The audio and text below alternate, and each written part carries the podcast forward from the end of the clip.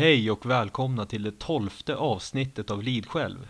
Kvällens avsnitt kommer att gästas av den hedniska eldsjälen Anders Nilsson. Och eh, ämnet för kvällen är hans nya bok Votans väg. Om ni uppskattar podden och vill stödja den eh, så gör den det bäst genom att köpa en av mina böcker. Information om detta hittar ni på hemsidan lidskalv.wordpress.com Passa även på att följa Lidsjälv på Instagram. Ljudet i det här avsnittet är lite bristfälligt, men jag hoppas ändå att ni uppskattar avsnittet.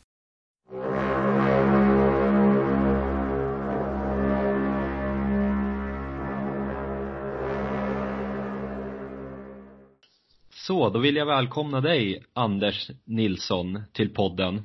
Eh, Du kan ju börja med att berätta lite om dig själv. Ja, tack så mycket Linus. Det var trevligt att vara här. Ehm, ja, jag är ju då 42 år. Tvåbarnsfar och bor ute i skogen. Um, före detta murare. Eh, Mm. eh, ja, vad är jag mer? Jag är... Du är författare också. Ja, just det. Ja, jag har inte sjunkit in riktigt ännu. Det känns surrealistiskt, lite underligt. Ja, det publicerades väl bara för typ några dagar sedan, eller egentligen? Ja, det var ju så. Jag kanske var den första utomstående som läste den. Ja, det kan det ha varit. Ja, okej. Ja, du har i alla fall skrivit en bok och det är det vi, det är därför jag bjudit in dig här ikväll. Yes. Så jag har ju läst den här boken då, så jag tänkte vi skulle snacka lite om, eh, om den. Så du kan göra lite reklam för den, bland annat. Men jag tänkte börja med att höra, hur blev du asatroende? Eh, ja, det är ju en både lätt och svår fråga. Det beror på som asatro. Ja, du, du hackade lite, jag hörde min, inte. alltså min eh, eh, ja det är ju både en svår och lätt fråga. Det beror lite på hur man ser eh, vad asatro Men min, eh, jag började väl när jag var liten och um, se förfäder, kan man väl helt enkelt Mm, säga. Mm, mm.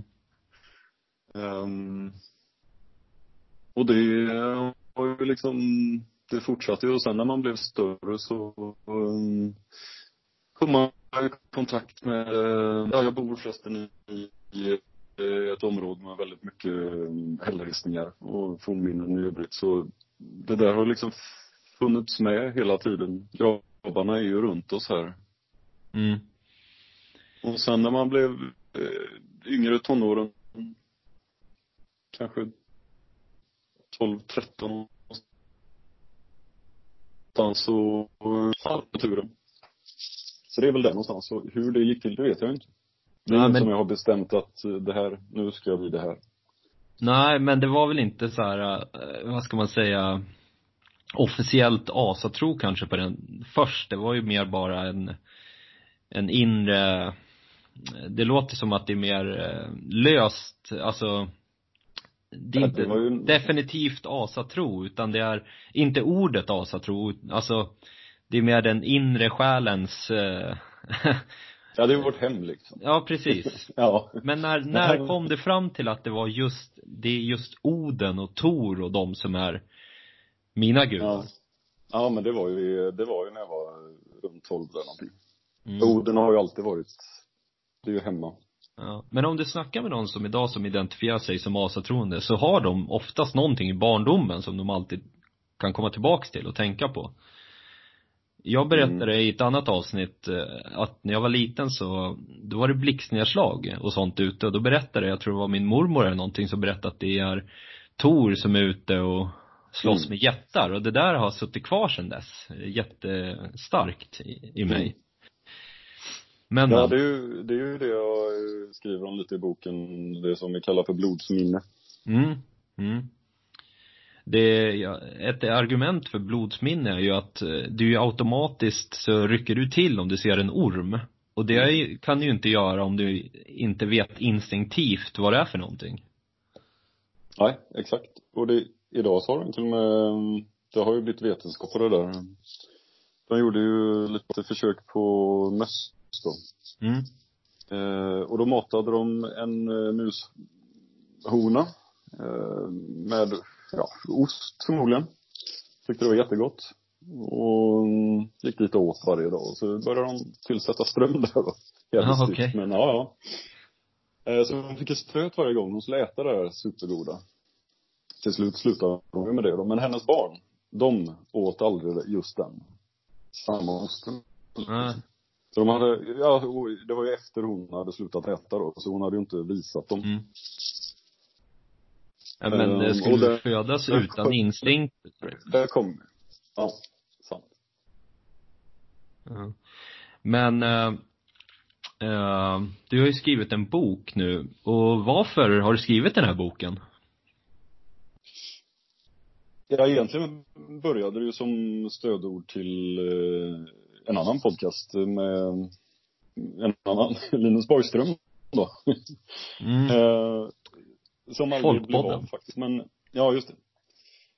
Den blev aldrig av för det blev liksom för eh, stort helt enkelt. Vi hade för mycket att göra åt varsitt håll. Okej. Och det liksom bara rann på. Det, ja, det tog inte slut, så det blev det det blev. Det fanns ingen, eh, jag hade ingen tydlig tanke med vad det skulle bli eller um, hur den skulle se ut. Hur lång tid tog det att skriva den ungefär? Ja, det gick rätt fort faktiskt. Det, själva skriva, ja, det gick jättefort. Det var eh, kanske någon månad bara. Mm. Ja, något sånt. Eh, när jag skrev min debutroman Inkräktarna det var också Mm. ungefär samma sak, att det var inget planerat, den bara, det bara hände. Jag har ju aldrig egentligen skrivit någonting innan. Eh, inget seriöst på det sättet. Men, Mm. eh, och sen bara pang så skrev jag den på ett par månader. Ja, Det ja bara men det, hände liksom. det är det vi kallar för vod. Ja, vi En får del gå in av, lite på det där sen. ja. Men, eller du kan gå in på det nu faktiskt. Eh, Berätta lite grunderna i, du kan ju berätta de två första kapitlernas grunder. Ja, men jag, först och främst så, jag älskar ju psykologi och har eh, läst mycket, ja framförallt Jung då, Carl Gustav Jung. Mm. Eh, det är ju min klara favorit. Eh, och eh, han lyfter ju fram alla de sakerna som vi bär på, på ett sätt och gör det, jag säga, medvetet hos oss. Men eh, ihop med Jung och eh, meditationen, för det har jag hållit på med väldigt mycket då, Mm. så eh, har man ju börjat utforska sitt inre. Eh, och det har ju lett fram till det här då. Den här boken faktiskt, det har det ju lett fram Det är ju Eh, egentligen, eh, alltså boken i sig kan man ju nästan beskriva som en teologisk filosofi. Ja, kanske.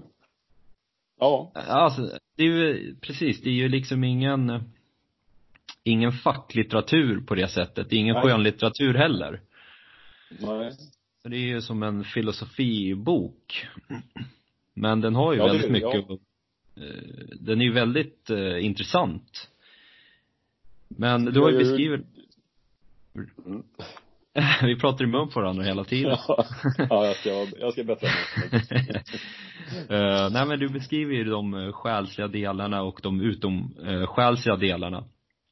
Eh, och det här är ju nästan lite som en, eh, du har ju skrivit själv i boken att det inte ska vara en handbok. Fast det är ju lite som en handbok ändå.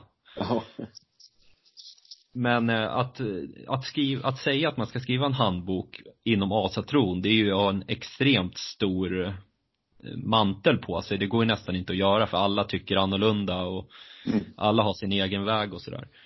Men det är väl en, eh, man skulle nästan kunna beskriva den som en handbok för det, eh, det liksom, eh, det djupa i asatron.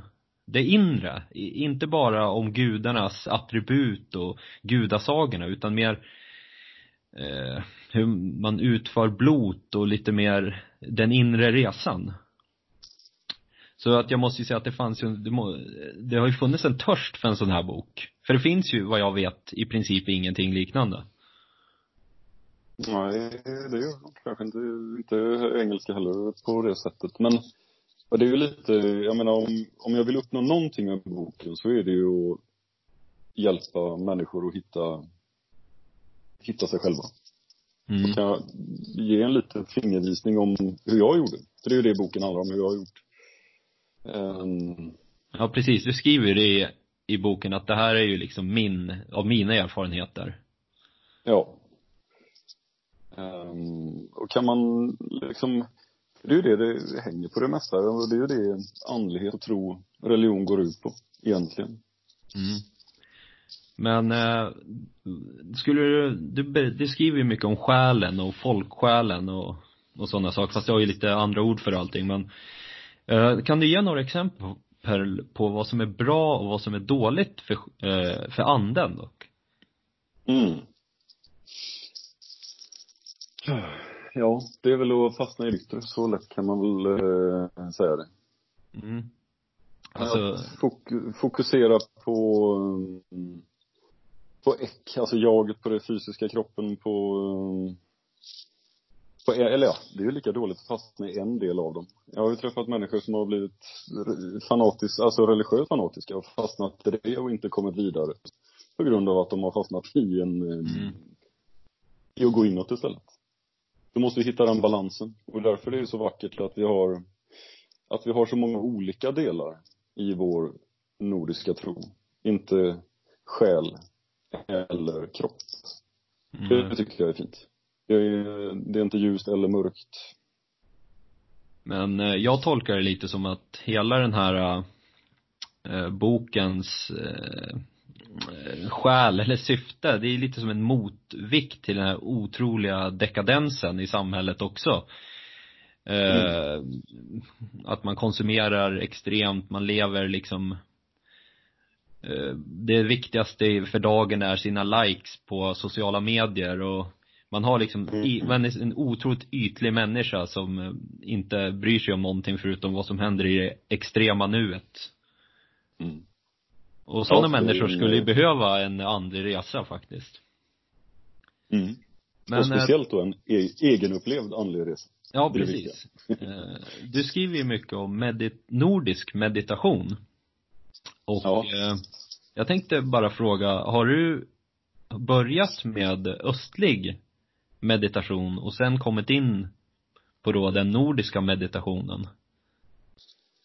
Alltså det blir ju, nu blir det ju begreppsförvirring här för meditation det blir, det är ett ord som är, det fanns ju inte eh, förr hos oss. Eh, så det blir ju en begreppsförvirring men eh, okay, ja, så var, ja visst så var det ju. Jag började ju med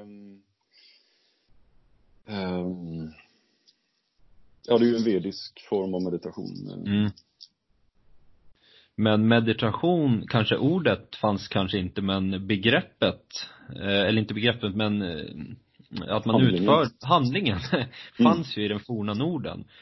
Det ja. finns ju massa exempel på det. Eh, bara att Oden hänger sig i trädet. Det är ju mm. liksom det hög, det är ett, ett stort blot, han offrar sig, han hänger där och funderar i nio dagar och nätter och så uppenbarar sig runorna. Det är ju uppenbarligen att han mediterar. Sen har du ju en annan eh, om du känner till den isländska hedniska förrädaren Torjei eh, Torkelsson, om du är bekant mm. med han. Han mediterade ju under en fäll i ett dygn. Mm. Men han kom ju då fram att han skulle lämna asatron och eh, mm. det slutade ju då med att Island blev kristet. ja. Eh.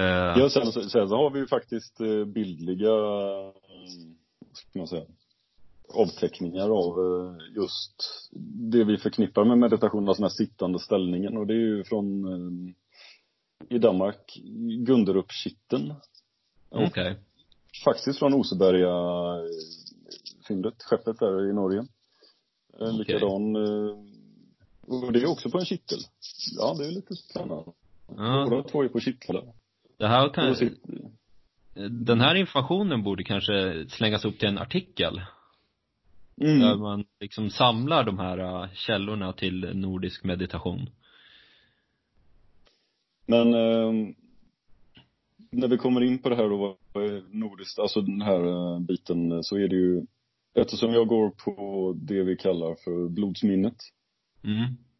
som vi pratade om tidigare. Eh, och våra förfäder som eh, vandrade ner ungefär för 5000 år sedan, 6000, ner till, i, till Indien, de förde ju med sig den här, det som blev eh, hinduismen idag då. Det är ju en ganska grov förvanskning av det vediska ursprunget. Mm. Men man kan ju Så- såklart hitta likheter, eh, Oh ja, herregud. såklart. Massor. Mhm. Eh, Så för mig, att hämta inspiration och tekniker därifrån, det gör mig inte så mycket rent tekniskt. Nej, alltså indoeuropeiskt, från ett indoeuropeiskt perspektiv så, så är det ju godtagbart. Ja, ja, och jag menar om vi då ska, vikingatid är ju nutid. mm. Mer eller mindre. Ja, men, Ja, nej men så är det. Det är ju bara ett par generationer, så är det ju där. ja, det är ju ingenting egentligen. Eh, Eh, Men det är ju närmast det vi har. Så um, Mm. sök, sök där du står. Ja. Drick från din egen brunn är väl ett annat Ja, klassiskt citat. Eh, men du kan ju berätta lite, vad är det vi, vad ska man göra för att, eh, när man, om man ska meditera i naturen? Man ska till exempel boxa in ett område och vad är det man ska tänka på lite? Och du, tänk du att du pratar med någon som inte har någon aning alls. Vi har ju alla möjliga som lyssnar på det här programmet säkert. Så ett litet basic bara. Ja, det första med meditation, det är ju att, eh, att stilla uh, the monkey mind eller um, ja, våra dagliga tankar liksom. Det som snurrar i oss hela tiden. Det är ju det första målet. Och för att kunna göra det så uh, måste vi hitta en teknik att fokusera som vi kan, det här sinnet kan haka upp sig på. Så det är upptaget med någonting. Och då är andningen, den bär vi med oss hela tiden. Mycket bra verktyg. Eh, Så eh, andas in genom näsan och långt ner till magen. Magen ska åka ut, ska se lite tjock ut. Och sen när du andas ut så låter du bara avslappnat åka ut genom munnen och så fortsätter du så genom näsan och ut genom munnen. Och om du då följer den luftströmmen så har du ett fokus som du kan hänga upp eh, sinnet på. Det är liksom, och det kan du göra var du än är. är Helst väldigt- ut, ja. utomhus då kanske? Eller? Ja, ja men om du är i en situation där du känner att du är stressad eller du behöver liksom tagga ner. Då är det ett bra knep att ta till. Men i boken så har jag ett exempel på en, ja, det jag kallar där för nordisk meditation och det är ju för att vi använder träd. Som ett sätt att eh, kommunicera med naturen. Mm. Men det är ju en Ja. annan, det är en annan bit av det. Alltså det, det kanske är lite rörigt att berätta och sådär. Jag menar, folk om de är intresserade får ni faktiskt kanske läsa boken. Det står ju ganska, det är svårt att rabbla upp så här äh, 40 sidor med ungefär hur man gör och lite vad man ska tänka på sådär. Ja, det här är ett komplext system ehm, som inte går att förmedla så här nu. Nej, nej det är klart. Eh, Men eh, vi kan väl gå vidare då till eh, blot. Mm. Och det här är väl, den här meditationen är väl invävda i, i, i dina blot? Till en viss Ja. del. Och framförallt så, bloten handlar ju om att, att ge av sig själv. Mm. Det är väl den springande punkten där. Ja, du skrev det ganska bra att eh, den moderna människan, eh, då kan man ge sin tid. Istället för att offra ett djur till exempel. För att eh, Mm. man vill ju heller inte lägga ner, om man har en handgåva så kanske man inte vill lägga ner eh, någonting dyrt som man då blir av med. Det passar liksom inte riktigt in i dagens samhälle. Så, Nej, förr så gav de ju av det största de hade, alltså för du ger ju någonting för att få någonting. Och du får också vad du ger. Så mm. ger du, eh, ger du skräp så får du skräp. Jo, men eh, de gav ju det där togs väl hand om på något sätt. Eh, För att om du till exempel gav vi säger ett, en guldring. Mm. Då måste ju den, det, det helgades den och så fick man tillbaks den eller tog goden hand om den eller den måste ju ha hamnat någonstans. Jag tror det, det finns ju, de arkeologiska fynden talar ju för olika sorters offer. Mm. En del offer ligger ju faktiskt kvar. En del offer um, har med eld till exempel förbrukats. Den går inte att använda igen i det världsliga livet. Nej. Och andra offer är ju, det vanligaste offret är väl egentligen det som kallas för kommunionoffer. Att man uh, offrar mjöd eller dry, någon dryck eller mat. Ja, Och mat och dryck känns ju bäst i, i, för mig i alla fall. Mm.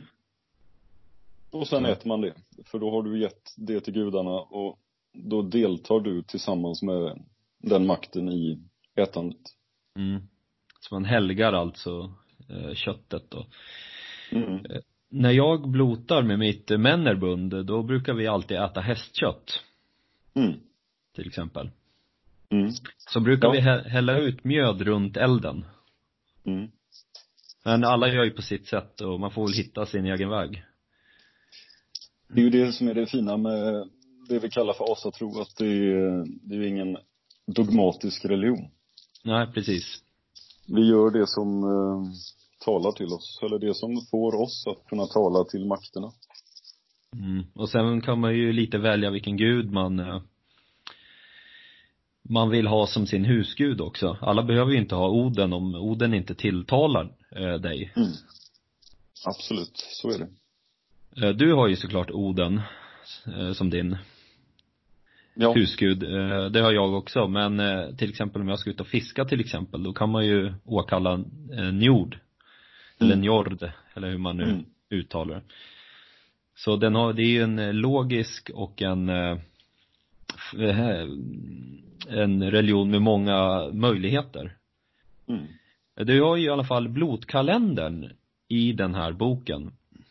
Då är det ju, det skil, bara där skiljer sig ju från person till person vilka blot man använder sig av. Du har till exempel inget, nu kom, vänta jag har den här framme men du har inget julblot va? Är det inbakat i midvinterblotet? Ja, precis.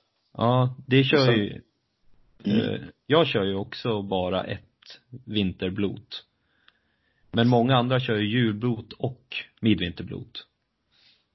Ja, men nu, det är ju det här då, alltså nu börjar man ju rota i historiska källor och vad är rätt Mm. och vad är fel och då blir det ju, jag försöker hålla mig ifrån det. Sen visst, den är med där, men det är ju för att jag gör den så. Eh, Ja. Och jag säger inte att det är rätt, eh, eller hävdar att det ska vara så. Nej, nej men det är en intressant, eh, att det finns liksom två skolor just när det gäller vintern. Ja. Och eh, jag skulle nästan säga att det är vanligare att man kör både ett julblot och ett midvinterblot, men eh, Ja. jag kör ju bara ett då. Och eh, eh, eftersom, eh, ja, det, det finns ju argument för, eh, för båda va, men Mm. jag vet inte, det känns inte så logiskt att det skulle vara två blot alldeles upp i varandra på vintern. Ja, eller så är det ett långt. Ja, det kan vara en period Mm. till exempel. Ja, ah, det, det där kan bli som protestanter och katoliker till slut om man börjar är- med tjafs om sådana där grejer. Det är ju risk för det och det, då har vi ju tappat poängen. Då är vi ju det fysiska igen. mm. Ja, Jag precis. tycker det viktiga Men- är ju att vi, att vi agerar liksom, att man handlar. Eh, för att vara asatroende, det är ju, ja du kan inte vara det om du inte blotar. det är det det handlar om. Att offra.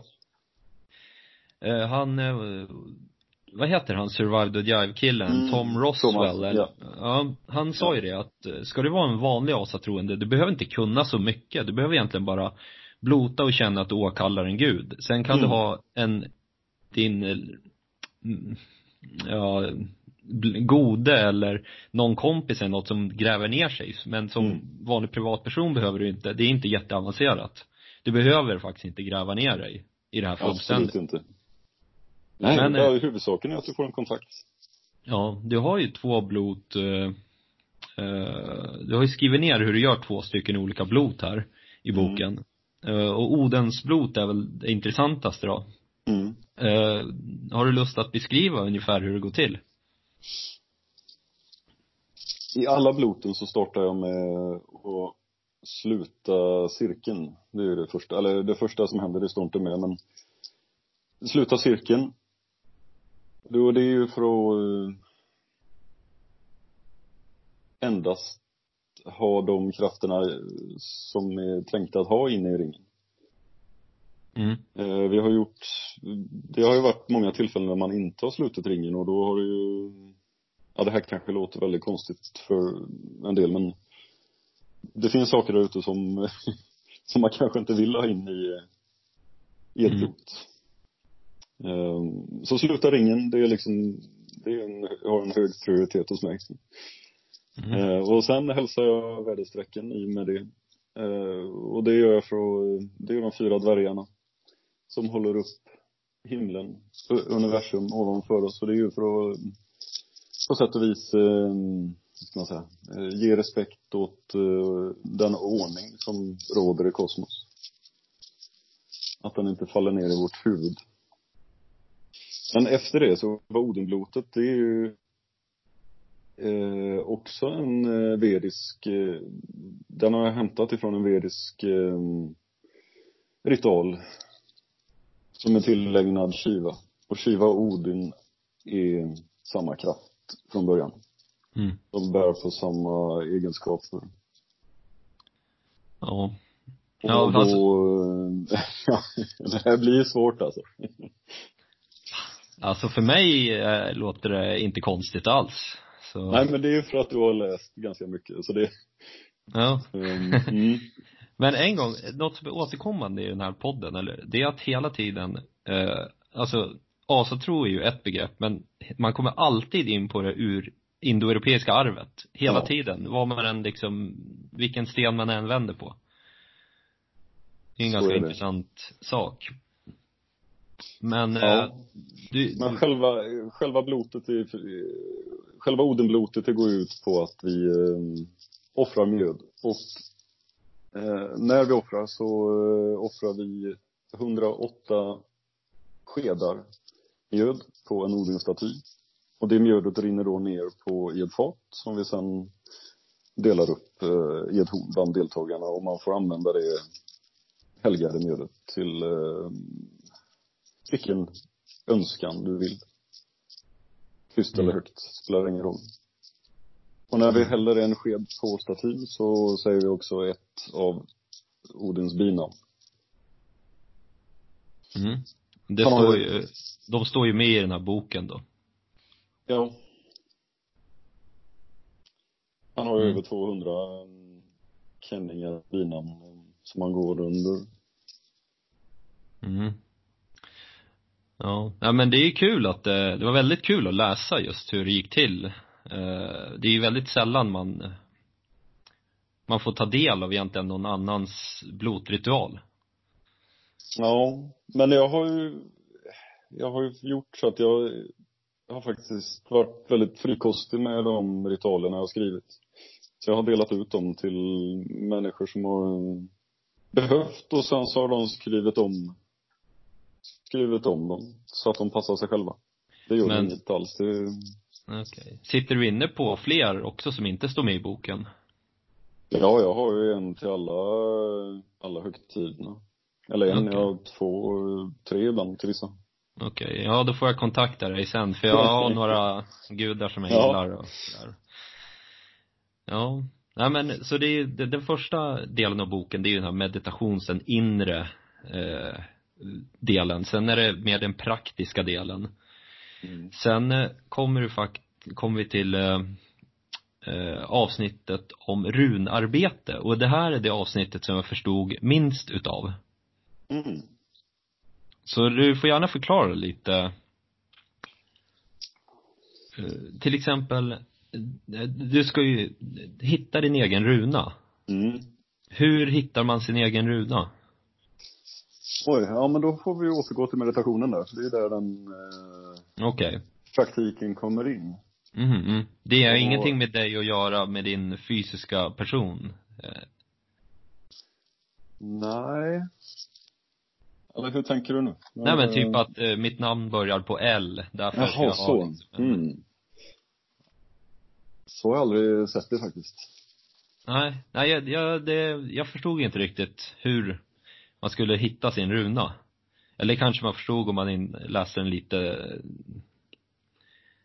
Ja, jag vet inte, jag kanske inte var noggrann. Jag får, jag får, jag får läsa om kapitlet. ja, i alla fall, vi säger att du hittar din runa, den uppenbarar sig för dig. Ja. Då ska du eh, skära ut den ur trä, alltså snida ut den, eller ska man snida in den i trä?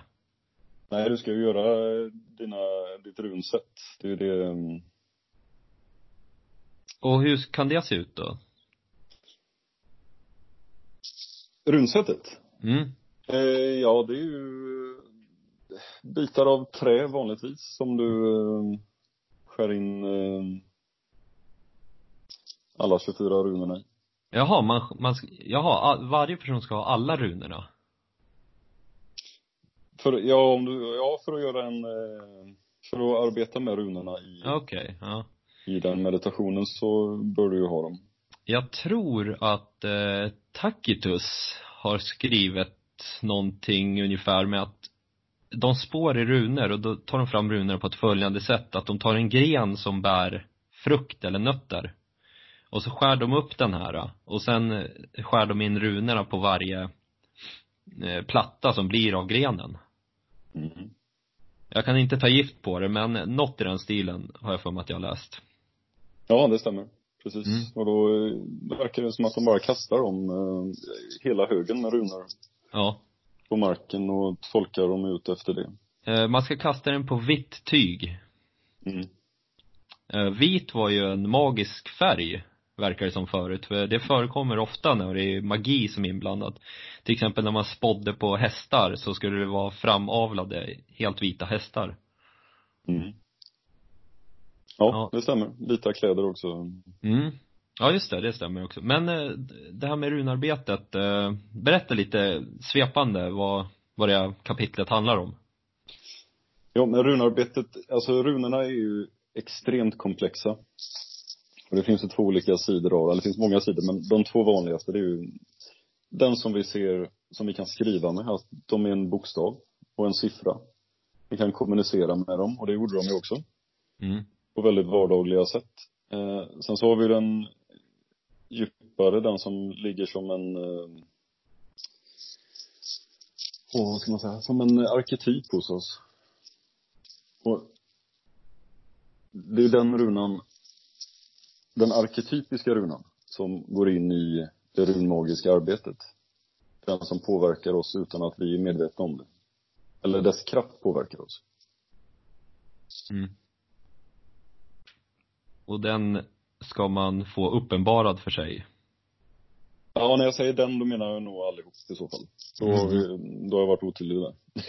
Ja, Jag kanske läste lite hastigt. Jag vet inte riktigt. Men eh, det är ju Ja. rakt av Odens eh, historia där att han hänger på, på trädet och världsträdet och så uppenbarar sig runorna. Mm. Eh, kapitlet efter det är ju att man ska hitta sin fyldja, uttalas väl det? Fylga. Mm. Och då gör man ju det bäst kanske via utesittning eller eh, någon annan typ av meditation. Och för er som lyssnar på den här podden så, jag har ju ett annat avsnitt som handlar ganska mycket om utesittning. Och eh, ni kan ju lyssna på det också.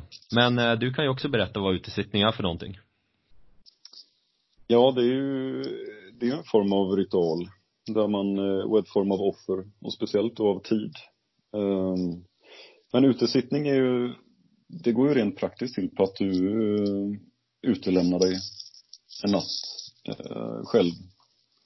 Till de krafter som eh, befinner sig på den platsen. Och ofta då så sätter man sig vid en eh, domarring eller en gravhög eller liknande. Eh, Fasta och tiga, ska man göra det också? Jag skulle säga att det är upp till var och en. Om, om du känner att du behöver eh, förstärka utesittningen, alltså själva offret i sig, så fasta, visst. Det är Mm. jättebra. Men det är inte nödvändigt. Du är ingen religiös plikt liksom. Nej, jag vet inte vart det där kommer ifrån riktigt. Jag har bara hört det någonstans att man ska fasta och tiga. Men jag har sen dess har jag inte kunnat hitta den källan.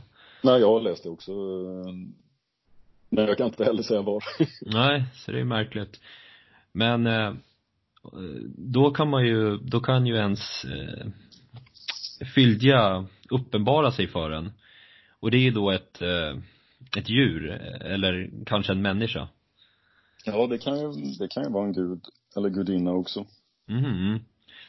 Och, Men fylgjan i sig, fylgjan i sig är ju en, eh, det de kristna skulle kalla för en skyddsängel. Mm, eller amerikanerna skulle kalla för spirit animal, kanske Ja. till och med. Mm. Men det är ju lite samma visa där med både att runorna ska uppenbara, eller din speciella runa ska uppenbara sig och det här äh, följeslagande djuret, eller vad det nu är. Mm. Det, det, man uppnår det här på i princip samma sätt. Och, Så ja, det, mm. och det är genomgående i hela asatron det här att man ska offra. Det är det som är kärnan. No pain, no gain. Mm. Och Ja, även det verkligen. eh, utan offer ingen seger. Mm. Men Vi eh, det har, var, de här med utesittningen är faktiskt väldigt, eh, det låter ganska lätt men det är, för många moderna människor är det en extremt stor prövning. ja, att alltså, sätta sig ute en natt i skogen, det kan vara tufft. Den moderna människan, det är kanske tristessen som är värst då eller? Nej, jag tror att rädslan är det som eh, påverkar de flesta. Okej. Jag har faktiskt aldrig gjort en utesittning, en seriös utesittning. Mm. Man har ju såklart varit ute i skogen mycket och så, men jag har aldrig suttit själv i en mörk skog en hel natt. Men jag kan tänka mig att man är ganska trött dagen efter. Ja. Och det, alltså alla, det här är ju, vi kommer ju tillbaka till samma tekniker som med meditationen. Det handlar ju om att försätta sinnet, vårt vardagliga jag i um, obalans. Mm. På ett sätt. Och där, eh, trötthet, eh, det är ju ett väldigt effektivt sätt. Ja, jag har däremot en plats som skulle vara helt perfekt för en utesittning. Mm. Jag vet, Rösaring norr om Mm. Stockholm. Har du besökt den platsen? Mm, mm, mm. Där skulle det vara riktigt schysst att sitta en hel natt. Ja, den är ju avskild och fin också. Det är ju kanon. Ja, och så bra utsikt och Ja. den är ju Gör superbra. Ja, Ja, du, är du får göra ett avsnitt av det. livesänd eh, Nej, ja. Uh, ja, men det var väl i stort vad boken handlar om. Eh, och- ja. Men eh, jag tänkte, du har ju lite andra grejer på din, några andra strängar på din lyra. Bland annat så sysslar du, eller du har grundat eh, Odin World Prayer Day. Ja. Så du kan ju helt enkelt berätta vad det är och varför det finns. Ja, det började ju, jag startade det 2015 eh, på en impuls av, eh, eller impuls, ingivelse från, ja, ja, Odin. Eh, och orsaken som menades, det var att vi, eh, det finns så många ensamma utövare som kanske de kommer liksom inte längre för att de sitter själva och utövar det här. Mm. Och då använder vi helt enkelt den moderna tekniken för att föra samman alla. Så det är ju en internationell händelse som händer eh, klockan nio varje nionde varje månad världen över. Och det har ju varit, ja vi har ju genomfört det sedan 2015 varje nionde. Och ungefär 6000 någonstans över det blot har ju utförts sedan dess då. Ja, det är ju riktigt bra faktiskt. Eh, Du har väl rätt mycket kontakter runt om i världen när det gäller det här, så det är väl ganska lätt för dig att sjösätta en sån här sak, kanske? Ja fast nu, det är ju sällan jag som gör det, måste jag ju säga. Utan Mhm. det är ju, jag är ju bara en förmedlare Mm, okej. av, av en kraft. Ja, Jag ja men, tar aldrig åt mig det. Det är samma med statyerna jag gör och sådär. Det är liksom inte jag som, inte av min förtjänst. Jag är ett verktyg. mm. Just det, du säljer statyer också. Hur hittar man de här statyerna? Oj. Man kontaktar dig på Facebook. Ja, ja tyvärr är det ju så. jo, de finns faktiskt på Grimfrost nu också. De har eh, ganska många. Jaså, okej. Okay. Ja. Schysst. Um, Skulle de inte de börja säljas på något museum också? Jo, det var ju planen fast jag är Grejen är att jag styr inte riktigt över det här. Så det, och jag Ja, det blir som det blir. Jag är en dålig försäljare om man säger så. ja, nej men du kanske kan, till slut kan det bli en heltidssysselsättning. Om du lägger dina kort rätt kanske. Ja, det får, vi får se. Men jag tänkte även att du skulle kunna få berätta lite om Asa True Folk Assembly. Ja, eh, där är jag ju då folkbilder för Europa. Eh, och folkbilder är ju egentligen bara en då är man organisatör liksom och ser till så att eh, eh, ja, att bloten utförs och att blotlagen eh, gör det blotlagen ska göra. Och eh, Asa för Folk Assembly startade startade 90 vad var det, 94 tror jag. Um, Ja, 94 startade det. Så det är ju 25-årsjubileum. Um, startades av Steven McNellen i USA. Um, mm. Och är en internationell organisation. Vi har föreningar och blotlag i stort sett över hela världen. Är det världens största asatro-organisation då kanske? Ja, det är i alla fall världens största folkis asatro-organisation. Mm. Mm. Eh, ja, den finns ju i Sverige såklart också då. Så. Ja.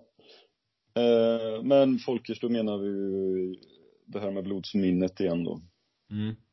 Um, ja, men och, folk får väl helt enkelt gå in och läsa på om den organisationen om det skulle vara av deras intresse. Ja. Så är det. Eh, det, det precis nu i dagarna så köpte vi vårt andra hopp. Vi har eh, ett som heter Odenshof och ett som heter Torshof nu i USA. Mm. Och vi jobbar ju hårt här i Sverige för att få till det tredje då. Mm. Mm. Vi får se.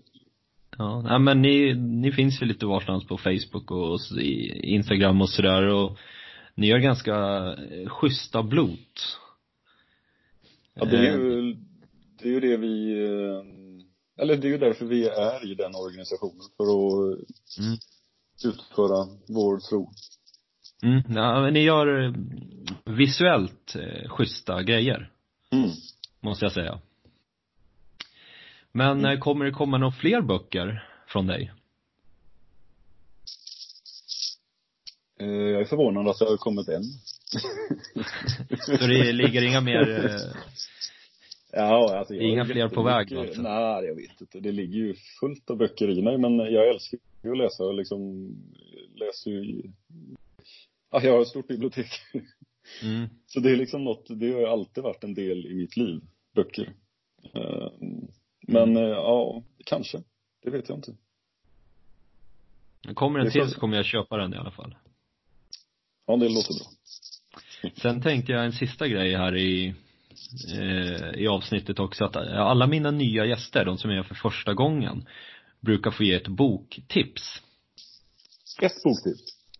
Ja, eller du kan kanske ge några, men eh, några boktips. Oh, kanske då, för, förutom den här boken. Ja, ja, det, det hade jag inte gjort ändå.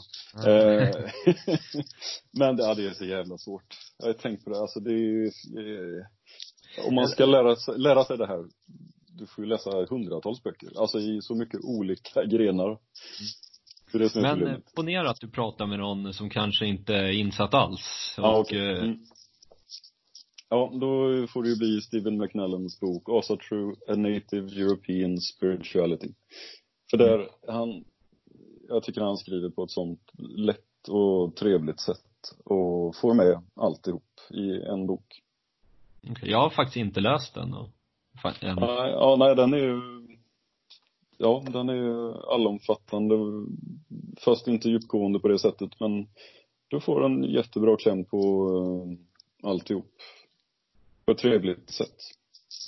Ja, den är ju på min lista, men det är väldigt mycket på min lista. Ja, det är ju det. men kommer den på svenska? Vet du det? Ja, vi, jo, vi håller på att översätta. Eller vi, men ja, vi har en, en översättning på gång. Mm. Mm.